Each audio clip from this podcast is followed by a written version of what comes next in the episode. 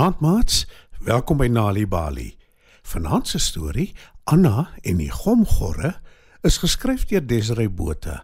Skyf nader en spit julle oortjies.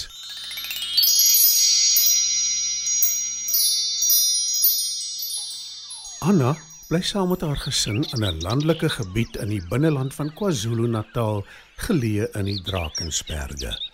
Hulle huisie is klein en dis 'n hele ent van die naaste dorp af. Daar is nie lopende water nie, wat beteken hulle moet water in 'n rivier daarna by gaan haal. Anna is 'n vrolike, gelukkige dogter.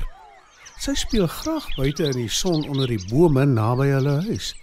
Maar sodra die son begin sak, weet sy sy moet sorg dat sy ingaan, want dis wanneer die gomgorre hulle verskyning maak.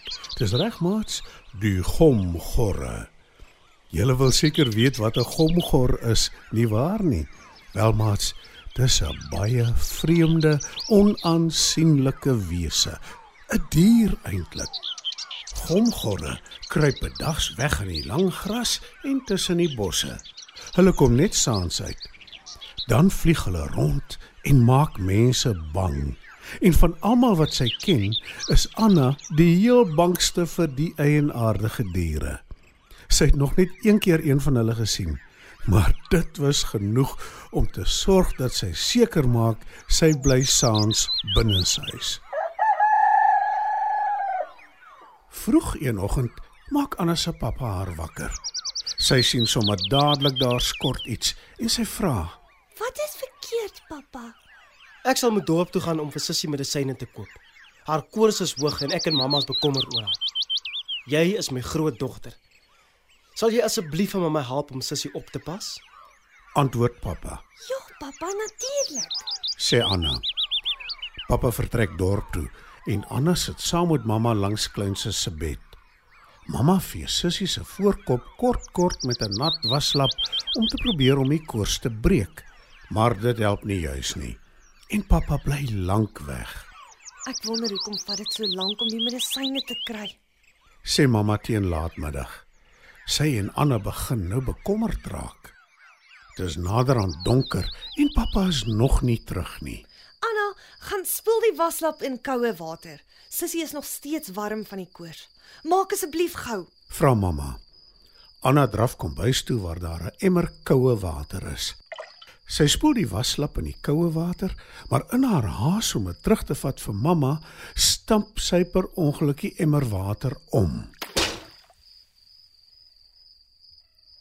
En net toe kom mamma in die kombuis in en sy sê ontstel: Ag nee. Net nie dit nie. Sonder koue water gaan Sissie se koors beslis nog opgaan. En pappa is nog steeds nie terug nie. Toe maar mamma, ek sal nog water gaan haal. "Troos Anna," Maar dis al donker buite. sê mamma. Ek sal gou maak, mamma. Antwoord Anna. Sy vat twee leë emmers en loop deur toe. Sy probeer om nie te dink aan die gomgorre daar buite nie. Anna loop so vinnig as wat sy kan rivier toe. Dis gelukkig volmaan, so sy kan mooi sien en die rivier is naby hulle huis. Anna praat haar die hele tyd moed in. As ek gou maak, sien die gomgorre my dalk nie eers nie. Da- Dan is ek in 'n japtrap terug by die huis met die emmers water. Daar is gelukkig 'n voetpaadjie rivier toe, so Anna hoef nie deur die lang gras en bosse te loop nie. Sy kyk nogtans die hele tyd om haar rond, want dis juis waar die gomgorre gewoonlik wegkruip. En toe skielik hoor Anna die akligste geluid. En sy weet dadelik dis 'n gomgor en hy het haar gesien. Sy hoor vlerke klap en die volgende oomblik vlieg die ongedierte op haar af en gryp haar aan die hare. Nee, los my uit. Jy krap my kop stikkend. Gaan weg jou nare dier. Roep Anna, maar die gomgor steur hom nie aan haar nie. Hy trek net al harder aan haar hare. Anna probeer hom wegklap, maar te vergeefs. Toe smeek sy na aan trane. Asseblief. Ek vra jou mooi. Laat my gaan. Ek moet water kry vir my klein sussie. Sy's siek en sy het koors. Mamma, mamma wag vir my by die huis. Anna voel hoe die gomgor haar hare los en sy sien hoe die dier wegbeweeg van haar af. Ek is jammer. Sê die gomgor tot Anna se verbasing. Kan ek en my broers jou nie help om water te gaan skep nie? Vra die gomgor. Anna kyk verbaas na hom.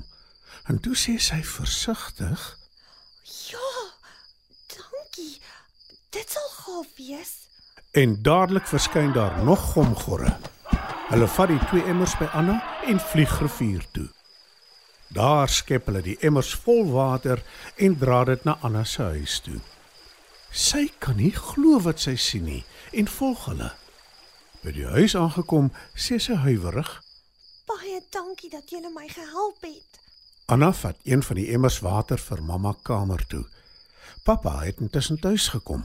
Voel Sissie al beter? Vra Anna. Sy sal binnekort. Ons het van medisyne gegee om haar koors te breek. Antwoord pappa. Anna sien albei haar ouers is doenig met haar sussie. Sy huiwer 'n oomblik en toe gaan sy buite toe. Gomgorre. Roep Anna sag. Sy sien hoe die gomgorre stadig nader kom uit die skaduwees. Toe hulle langs haar is, vra sy: Hoekom was julle so gaaf om my te help met die water? Julle maak dan gewoonlik mense bang. Dis nie ons bedoeling nie. Regtig. Ons is eintlik net bang vir die donker.